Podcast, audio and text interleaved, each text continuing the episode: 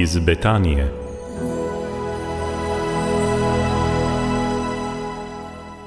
Dober dan, dobrodošli, spoštovani poslušalci. V rubriki iz Betanije govorimo o duhovnih vajah v vsakdanjem življenju. Pater Janez Poljanšek je z nami, pozdravljeni, dober dan. Dobar dan. E, Rekli smo že, da so duhovne vaje v vsakdanjem življenju namenjene ljudem, ki želijo poglobiti malce e, to vero.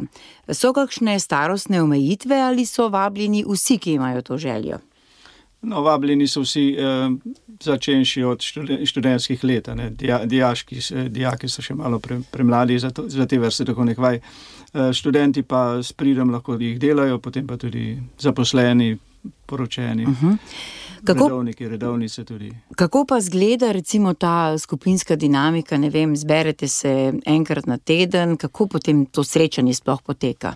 Vsake dva tedna se dobimo.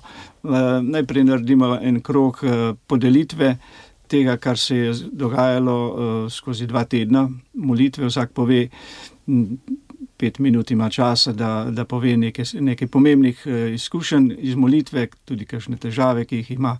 Potem pa v drugem delu je pa predstavitev gradiva za naslednje dva tedna, kjer voditelj da nekaj odlomkov in nekaj navodil za, za molitev. To je preprosto.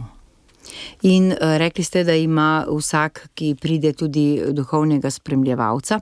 Ali to duhovno spremstvo, kakorkoli lahko primerjamo, uh, ne vem, uh, z ruskimi starci, ki so živeli po samostanih, je to take vrste odnos? Ja, nekaj modrosti naj bi duhovni spremljalec vsekakor imel, pa duhovne izkušnje. E, mi imamo pri, eh, pri Ignaciju domu duhovnosti tudi usposabljamo lajke in druge za, za duhovno spremljanje. E, ni toliko svetovanje, bolje poslušanje in pomoč pri molitvi. Tako da, kjer so ovire, da nekdo lahko ima neko, neko pomoč. Tudi tisti, ki spremlja, moli za udeleženca, tako da se vzpostavi nek tak duhovni odnos, neko duhovna bližina. Uh, ni pa neko, reko, razsvetljeno, uh, kot so starci, ki so znali, samo so videli človeka, pa so, so že povedali, kaj, kaj je v njegovem srcu. Da, mislim, lahko kdo, kakšen spremljalec ima tudi ta dar, ampak ni pa potrebno. Recimo. Uh -huh. Kako pa potem, eh, ko podelite te stvari, eh, ali so udeleženci lahko tako čisto osebni, in ali je kaj strahu, da bi ne vem, kdo iz skupine zlorabil to zaupanje? Ja, eh, tako to je. Načelo je, da vs- vse, kar se pove, ostane v skupini, in uh, ljudje, mislim, da to, to vzamejo do, do, dovolj resno. Uh, seveda, uh, ta, ta zaup, zaupnost je malo lažja, zato ker udeleženci niso iz iste župnije ali pa iz neke skupine, kjer bi se že prej poznali, ampak uh, se spoznajo v teku duhovnih vaj in nimajo težav s to za, uh -huh. zaupnostjo. Zdaj te duhovne vaje v vsakdanjem življenju so v Ljubljani, jih imajo jez- jezuiti morda še kje. Tudi v, v Mariboru, Pater Zopančič jih vsako leto pripravlja. Uh, v Ljubljani imamo tu v našem domu, potem tudi Pater Drago Lavrič v, Dravljah, tudi on ima skupine. Eh, Bova povedala morda za konec še spletno stran ali pa kakšno telefonsko številko. Ja, spletna stran je stran našega eh, doma duhovnosti Ignacijev dom.si.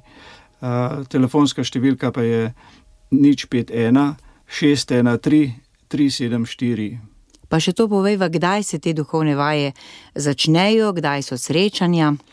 Uh, Duhovne vaje se potekajo od oktobra do maja naslednjega leta, uh, v četrtkih ob, od petih do pol sedmih, eno uro pa pol približno traja srečanje.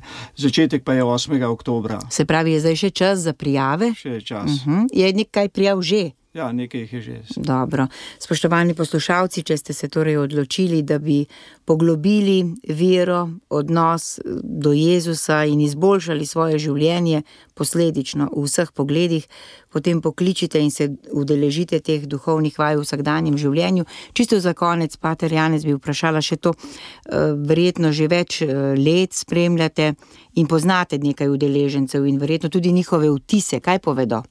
Eh, Najbolj so eh, zadovoljni eh, te, teh podelitev, ko se nekako duhovno povežejo med seboj In seveda spodbude, ki jih ki, ki jim duhovne vaje dajo, da so zvesti v vsakdanjem molitvi, v vsakdanjem življenju, in to gotovo vpliva na kvaliteto njihovega duhovnega življenja. Ja, prav gotovo. Najlepša hvala in vse dobro vam želim. Hvala lepa.